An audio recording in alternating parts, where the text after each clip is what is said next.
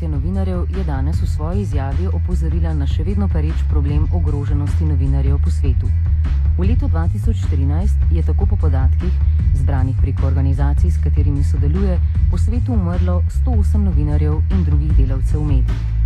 Ravno dejstvo, da v svoje statistike vključujejo tudi ljudi, kot so snemalci, razlikuje njihovo delo od drugih organizacij, ki delujejo na tem področju.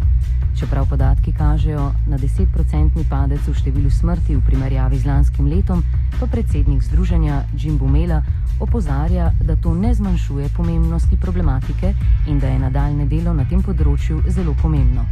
Povedal nam je več o delu Mednarodne federacije ter letošnjem poročilu. Throughout the year, uh, we do uh, a head count of the journalists who are killed all over the world. Uh, and we publish the report at the end of the year. And we also kind of uh, the, we put a bit of commentary and analysis of, what we think has happened. Um, and this year, um, you've seen, you know, the the number 108 that were killed, um, which is a slightly under the number that were killed last year. And in fact, at the end of the day, it's not a question of, um, of numbers. It's a fact that the killing of terrorists has become something constant. There are very uh, difficult conflicts in the world. Some journalists get caught in the wars as well. Uh, but in terms of the analysis and um, this year, uh, because of um, the uh, conflict in Syria and made Syria the, the country where the biggest numbers of journalists are. And that's something, of course, is very specific for this year. But there are other countries where um, journalists die, now die year in, year out, like Pakistan and the Philippines and even a place like India. So, so one side of it is do with the headcount and uh, come to the conclusion that uh, things seems to be now the same every year.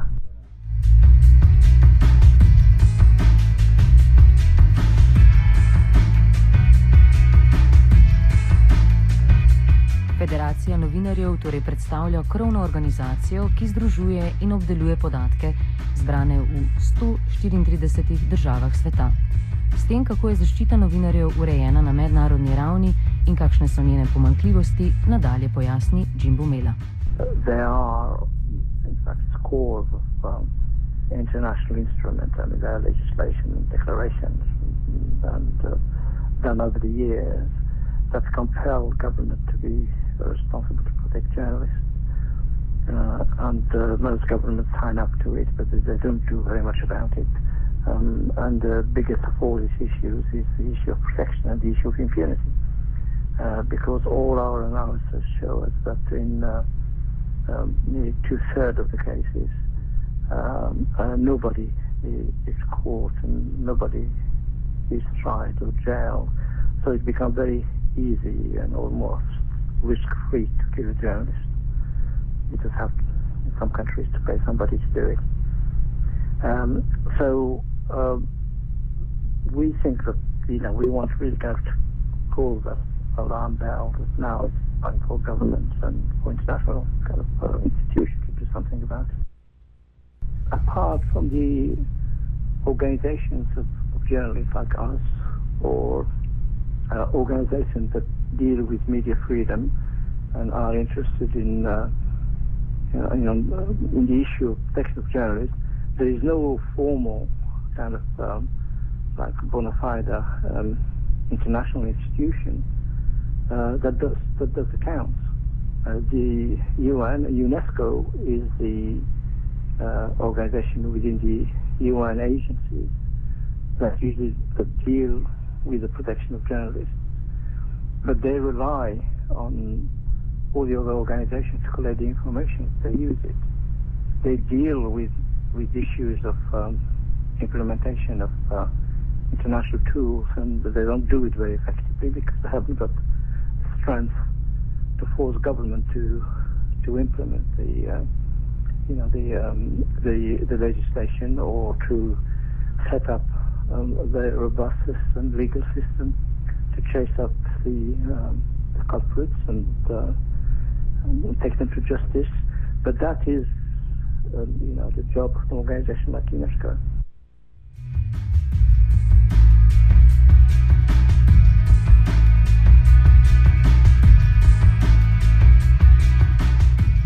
Čeprav omejevanje pravice do govora pogosto pripisujemo manj razvitim in splošno represivnim državam, pa smo bili v zadnjem letu priča velikemu številu primerov, v katerih je šlo za napad na novinarsko avtonomijo v zahodnem svetu.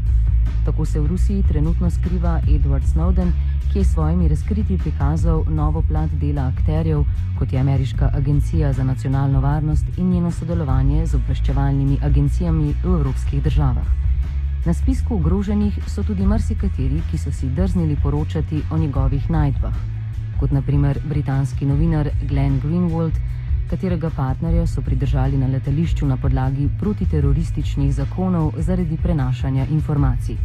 Zaskrbljenost nad temi in številnimi drugimi primeri ter splošnim okoljem, v katerem sedaj delujejo novinari, je izrazil tudi Jim Bumela in poudaril spremembe, ki so se pojavile v zadnjih letih v odkrivanju informacij, ki so bile prej strogo skrite pred državljani. Um, is not new. Uh, what is new is the the way it has been exposed uh, and the sheer scale of it. Uh, because in, in recent years, um, one of the main areas of, um, of, journalistic work, which is the protection of their sources, has come really under, under pressure. And there have been increasingly a number of journalists being taken to court uh, by uh, state institutions uh, like police or prosecution, trying to get from them, you know, the kind of information that they usually keep to themselves. So the kind of the privacy of the information that's collected by journalists for their own work um, has become, you know, you know, the subject of more and more pressure. There have been cases where, um, you know, in, in, some countries, you know, um, in, in the West, not just in, in, in developing countries or in authoritarian countries, um, where it was discovered that journalists have been spied upon. But certainly the, um, uh, you know, first the, uh, the advent of WikiLeaks, you know, a few years ago, uh, which was not necessarily on, on, uh, on surveillance and information, but was just a mean of, you know, uh, uh, discovering, you know, what, what, what government do and do in secret, um, has been quite important because it's opened um, quite a, a, big chapter in terms of the kind of information that was not easily available before. And of course, much more recently, you know, the, the, the, the whistleblowers and Snowden in particular um, have also kind of marked a new era, um, which you know is being debated at the moment in a very big way, uh, not just in, uh, um, in, in Western countries where the main culprit, but almost everywhere uh, people are, are debating, you know, the kind of the, the, the power of the state to um, to take information and to spy on journalism. Um, I think the fact that uh, there were journalists, after all, themselves, you know, who have exposed, you know, you know, the, uh, you know, the surveillance scandal. Um, uh, it, it, it, has opened not only kind of a debate, but also kind of you know, qualification and an even kind of big lobbying throughout the world about what to do about it.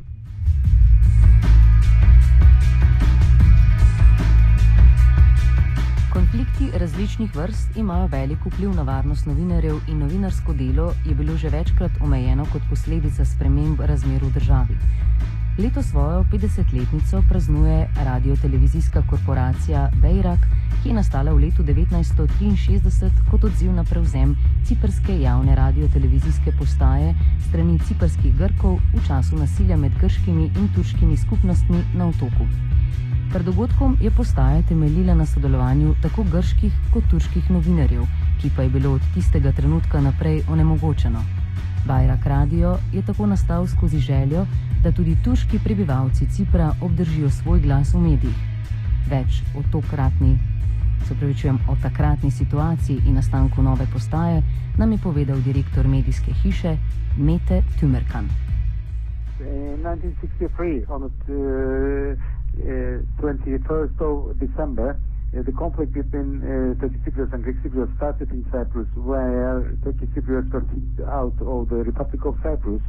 And after four days of this uh, incident, uh, Turkish Cypriots uh, were looking around to find out a way to uh, to give their voice off, uh, and uh, they established Bayrak Radio uh, at that time.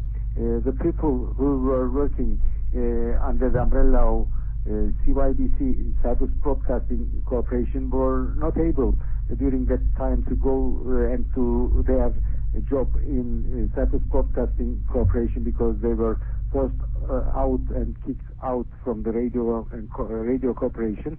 So there was no other way but to establish a Turkish uh, Cypriot uh, radio in order to be the voice of the Turkish uh, Cypriots during that time and uh, after four days, uh, under this under very difficult circumstances, uh, Turkish Cypriots established a Bayrak radio, and at the beginning, they, it was very difficult to do it because there were no equipment, nothing, no microphones, no transmission. it was very difficult, and they managed to do it.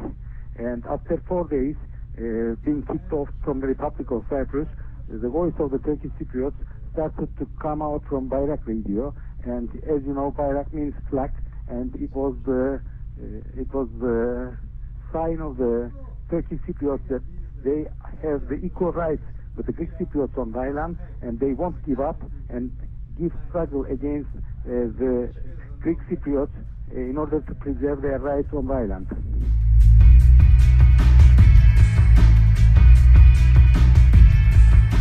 Kljub temu, da so z ustanovitvijo nove radio-televizijske postaje ohranili prisotnost turške perspektive v mreži ciperskih medijev, pa Mete Tümerkan želi, da bi v prihodnosti dosegli dogovor in razumevanje med skupnostmi na otoku ter omogočili delovanje skupnega javnega medija. V teoretskem svetu obstajajo trije medijski sektori: javni, zasebni oziroma komercialni in tako imenovani tretji medijski sektor, kot je navadno označena neodvisna in skupnostna medijska krajina. Z najmanj težavami se soočata drugi in tretji medijski sektor. Drugi, če tudi manj financiran v času krize, bolj ali manj neobremenjeno deluje v prid potrošništva še naprej.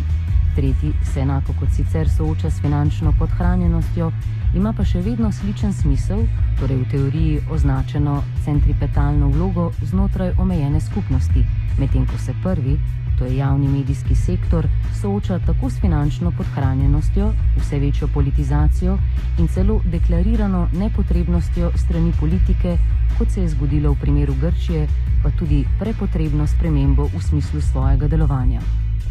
Ne več kot veznega tkiva, zgolj pripadnikov nacionalne skupnosti, temveč v skupnosti živečih.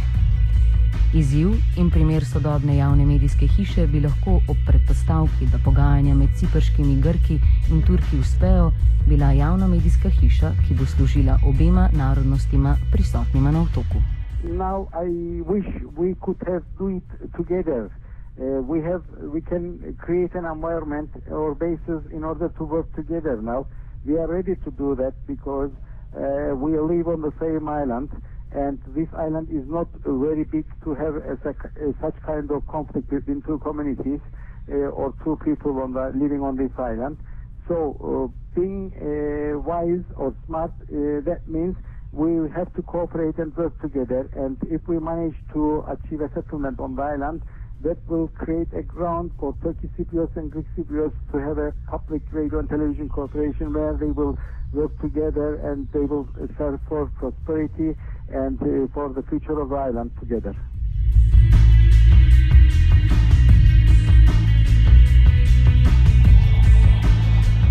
Ne glede na mednarodne konvencije in prazne besede predstavnikov organizacij, je svoboda in varnost novinarjev še vedno močno omejena.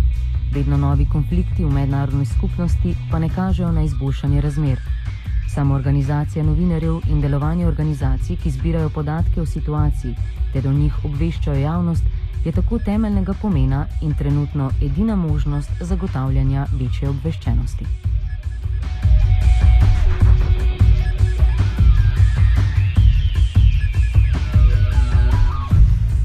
Offside je pripravila Vajenka Zala.